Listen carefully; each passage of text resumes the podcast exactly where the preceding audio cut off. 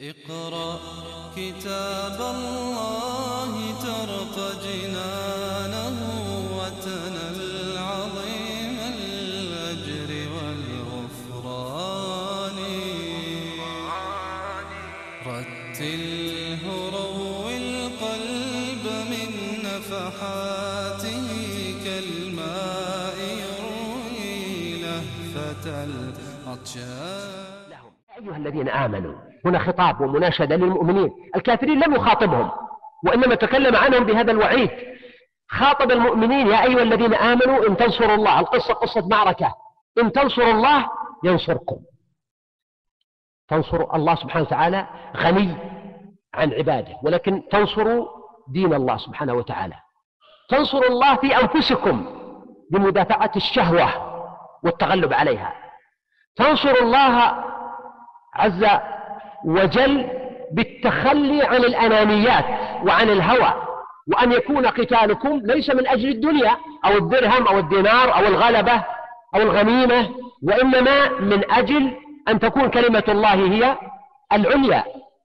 فهذا من معاني إن تنصروا الله ينصركم ويثبت أقدامكم. هذا زيادة على النصر تثبيت الأقدام. الإنسان قد ينصر ثم لا يكتب الله له الثبات فيذهب نصره أدراج الرياح. فتثبيت الأقدام يكون في المعركة نفسها أن الله يثبت الذين آمنوا. ويكون بعد النصر بحيث أن المؤمنين هنا يقطفون ثمرة النصر ويعرفون كيف يتعاملون معها بصورة صحيحة. على النقيض من المشركين الذين قال والذين كفروا فتعسا لهم هذا نقيض قوله ويثبت أقدامكم. التعس هو العثور. ولذلك إذا سقط الإنسان وهو يمشي يقال تعس فلان. مثل ما قال الرسول عليه السلام تعس عبد الدرهم تعس عبد الدينار تعس عبد الخميلة تعس عبد الخميصة تعس وانتكس وإذا شيك فلن تقس. ولذلك أحيانا إذا سقط الإنسان والواحد يريد أن يدعي يدعو عليه قال له تعسا له تعسا له. يعني عساه يسقط يعني هذا معناه. فتعسا معناها في اللغة العربية السقوط. مقابل الذين آمنوا وثبتهم الله سبحانه وتعالى الذين كفروا الله تعالى أخبر عنهم بالتعاسة وأيضا قد يكون المعنى الدعاء أنه دعا عليهم والدعاء من الله واجب. فتعسا لهم وأضل أعمالهم فلا ينفعهم جهد ولا عمل في المعركة إذا أراد الله نصر المؤمنين. وقوله سبحانه إن تنصروا الله ينصركم هذا دليل على أن الإنسان عليه أن ينظر في نفسه. يعني إذا لم يتحقق النصر لأن الله عز وجل قال ولينصرن الله من ينصره إن الله لقوي عزيز. من هؤلاء؟ قال الذين إن مكناهم في الأرض. فبنى النصر على أمر مستقبلي. يعني قد يكون ناس في ظاهر الأمر مسلمين يقاتلون في سبيل الله فيما نعلم ولكن الله لم ينصرهم هنا لماذا؟ لأن الأمر متعلق بالمستقبل والغيب لله. الله ينصر من؟ ينصر أولئك الذين إن مكنهم في الأرض في المستقبل. أقاموا الصلاة وآتوا الزكاة وأمروا بالمعروف ونهوا عن المنكر. ما تدري هؤلاء الناس هل يثبتون كما قال ويثبت أقدامكم أو تتغير نياتهم ومقاصدهم أو يختلفون أحيانا ويتقاتلون فيما بينهم كما حصل في أكثر من حالة. وشاهدنا نحن أشياء من هذا القبيل.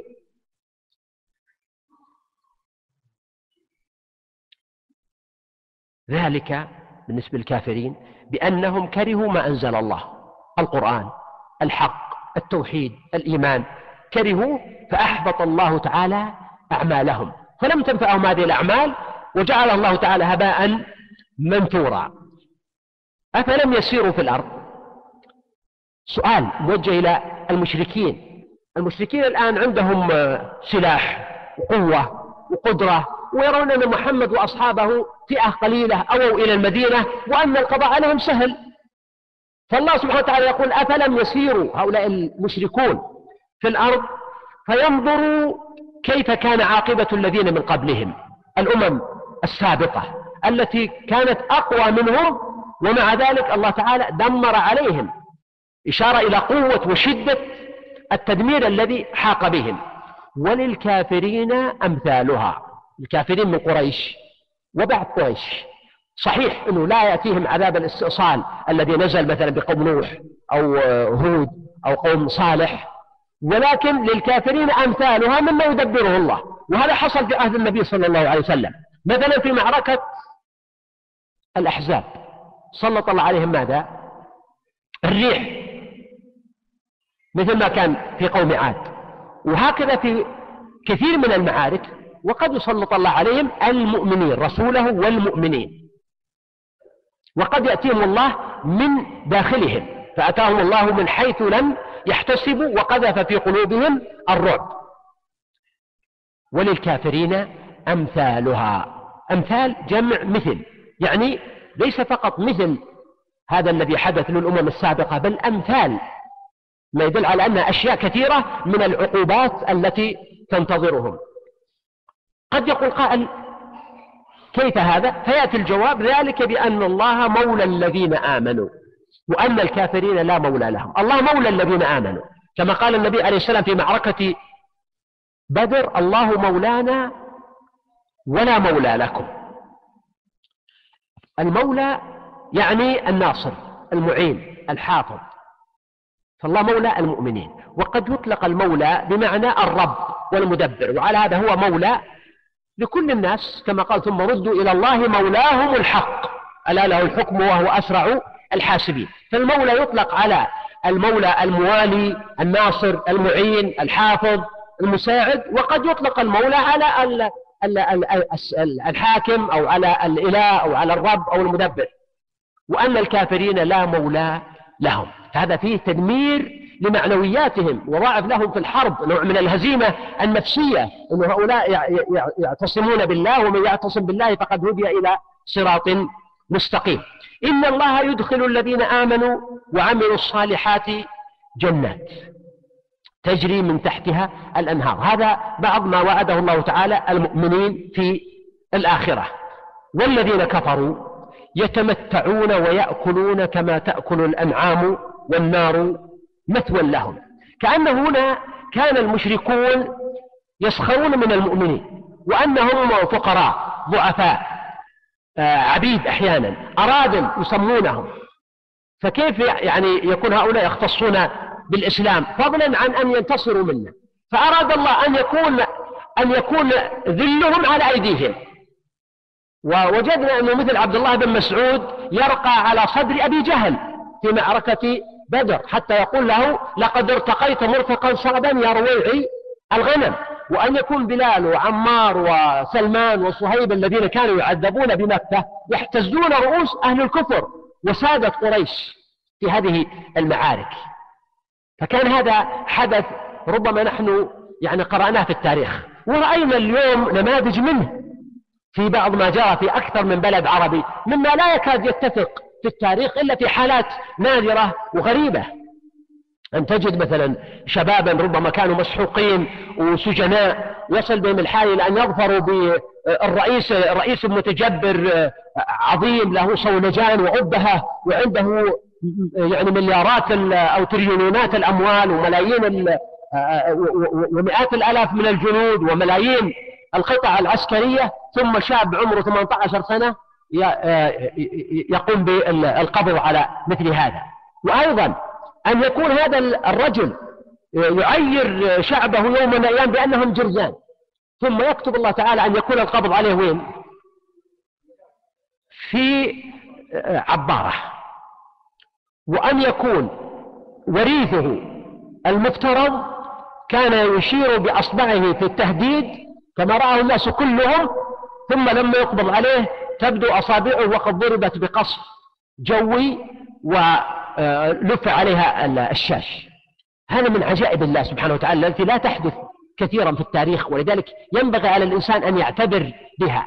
فهكذا هنا قال عن المؤمنين أنه وإن ظننتم أيها المشركون أن هؤلاء المؤمنين ضعفاء إلا أن الله تعالى معهم وهو مولاهم وهو خير الناصرين. فالله تعالى ينصرهم وأنتم لا مولى لكم. ثم هو أيضا يدخلهم جنات تجري من تحتها الأنهار حتى ولو كانوا فقراء أو جياع أو لا يملكون إلا الثروة والمال. أما أولئك الذين كفروا ويسخرون منهم ويستهزئون بهم ويعيرونهم فقال الله سبحانه وتعالى يتمتعون في الدنيا والمتاع هو الشيء العابر من المأكل والمشرب وغيرها. يتمتعون. والمؤمن يتمتع أيضا ولا لا؟ إذا هذا مشترك. الإنسان والحيوان البر والفاجر والمؤمن والكافر كلهم يتمتعون. الدنيا متاع. وخير متاع الدنيا المرأة الصالحة. إذا المؤمن يتمتع وربما أقول متاع المؤمن في الدنيا من حيث المعنى أفضل من متاع الكافر بكثير حتى في الدنيا. إن عنده راحة وعنده سعادة وهناءة عيش ولا عنده توبيخ أو تأنيب ضمير شديد في أشياء كثيرة لصالح المؤمن إذا أحسن توظيفها. لكن هنا لما قالوا الذين كفروا يتمتعون يعني مثل غيرهم ولكن يأكلون كما تأكل الأنعام. بمعنى أنه ليس عندهم في حساب للآخرة. هذا المعنى. فالأنعام ربما تستسمن وتذبح غدا أو بعد غد ولا تفكر فيما وراء آه، يومها. فكذلك هؤلاء الكافرون المعاندون المستهزئون بالنبي صلى الله عليه وسلم والمؤمنين يتمتعون ويأكلون كما تأكل الأنعام ولا يفكرون في أمر الآخرة والنار مثوى لهم. مثوى يعني مأوى أو مرد لهم. وعادة ما يعبر بالمثوى على الشيء الذي يطول يعني يطول فيه الثواء طال به الثواء يعني طال به المقام. فهو ليس فقط أنه مرد لهم ولكنها مقام سوء لهم لا يخرجون منها وما هم بخارجين من النار. وكأي من قرية وكأي يعني كم من قرية كثير من القرى هي أشد قوة. قوة في البنيان قوة في السلاح قوة في الاقتصاد. أشد قوة من قريتك. يا محمد ما هي قريته عليه الصلاة والسلام؟ مكة. من قريتك. شوف التعبير. أولا لما قال من قريتك. تلقائيا تشعر أن القرية دي قريته بلده. ليش يخرج منها؟ بأي حق؟ وهي قريته يعني هو ينسب إليها وولد فيها وأبوه وجده وأسرته وقبيلته وجماعته كلهم هناك. ليش يخرجونه منها؟ هذا معنى من قريتك.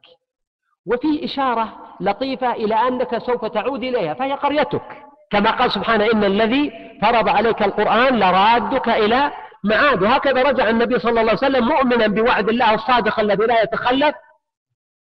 رجع إليها في فتح مكة. ولم يكونوا يتصورون ذلك أبدا. لأنهم لم يدركوا تحول القوى. المشركون كانوا أقوياء والمسلمون ضعفاء. وظنوا أن معيار وميزان القوة لا يتغير. بينما الواقع أن المعيار يتغير من خلال الوقت. وأيضا قوله أشد قوة من قريتك فيها نوع من التأنيب والتوبيخ للمشركين. أنه هذا صاحبكم كما يسميه في القرآن وهذا ابن عمكم وقريبكم وتعرفونه ومع ذلك تتجرؤون على مضايقة وإيذائه حتى يخرج من قريته. فأينما تتكلمون عنه من كرم الأخلاق والنبل وصلة الرحم وغير ذلك وأنتم تفعلون هذا بمحمد عليه الصلاة والسلام التي أخرجتك. هل مكة أخرجت النبي صلى الله عليه وسلم؟ هل أخرجت؟ هي آه، لم تخرجه بمعنى أنهم يدفعونه دفعا بالعكس كانوا يخططوا لإيش؟ لاستبقائه. من أجل لا تنتشر دعوته أو من أجل اغتياله محاولة اغتياله عليه الصلاة والسلام كما تآمروا عليه. ولذلك لما خرج في الهجرة ماذا عملوا؟ وضعوا جائزة لمن يأتي به وجعلوا الرصد في الطرقات المختلفة على النبي عليه الصلاة والسلام علهم أن يظفروا به. إذا قوله التي أخرجتك إشارة إلى مصير الأمر. أن هؤلاء الناس آذوا النبي صلى الله عليه وسلم وآذوا أصحابه وضايقوه وقتلوا من أصحابه من قتلوا ومنعوا انتشار دعوته وحاربوه حتى منعوه من العبادة في المسجد الحرام الذي يعبد الناس فيه ربهم. ومعروف قصة فاطمة رضي الله عنها لما خرجت النبي صلى الله عليه وسلم وقد وضعوا السلع على رأسه فكانت تغسله وتدعو عليهم. فكان هذا مرده أنهم أخرجوه. في الحقيقة أنهم أخرجوه من خلال هذه المؤامرات والخطط التي عملوها وآذوه بها. كأي من قرية كثير من القرى أشد من مكة قريتك التي أخرجتك أهلكناهم فلا ناصر لهم. وفي الآية سر وإبداع عجيب. قال أهلكناهم يعني أهلكنا أهل هذه القرية أهلكنا هذه القرية لكن قوله فلا ناصر لهم في اللغة العربية أن يقال لا ناصر له إما في الحال أو في المستقبل. ما يقال في الماضي فلا ناصر له. ولذلك قال عن يوم القيامة فما له من قوة ولا ناصر. فيقال هذا عن المستقبل أو يقال هذا عن الحاضر. طيب كيف هنا الله تعالى قال فلا ناصر لهم؟ عن الماضي. الجواب أن المعنى أهلكهم الله حتى لم يبق منهم أحد يمكن أن يستأنف المعركة من جديد. وخذ أيضا من الأمثلة الحية أنه لما تزول أمة من الأمم أو دولة من الدول ربما كما تجد كما حدث مثلا في العراق أو في ليبيا أو أو غيرها ومثله في مصر. لما يكون الزوال زوالا مبرما نهائيا خلاص ما في أمل ما في مجال أن القوة السابقة تعود من جديد. تقوى وتقيم علاقات وخطط وتنتظر الفرص ثم تعود من جديد. لا. لكن إذا وجد فيها بقية مثل الآن في مصر يتكلمون عما يسمونه بالثورة المضادة أو بقايا النظم السابقة أن يكون هناك بقايا من الناس مختتين فيحاولون أن يغتنموا الفرصة ويستأنفوا المعركة والجولة من جديد. فالله تعالى هنا لما قال أهلكناهم فلا ناصر لهم يعني قضينا عليهم قضاء مبرما بحيث ما بقي منهم أحد ولد أو مساعد أو معين أو متحمس لهم يمكن أن يستأنف ويستنصر بقوة من القوى أو أمة أو دولة من الدول ويعود مرة أخرى. فلا ناصر لهم يعني القضاء عليهم قضاء مبرم ونهائي. هذا معنى. كتاب الله ترقى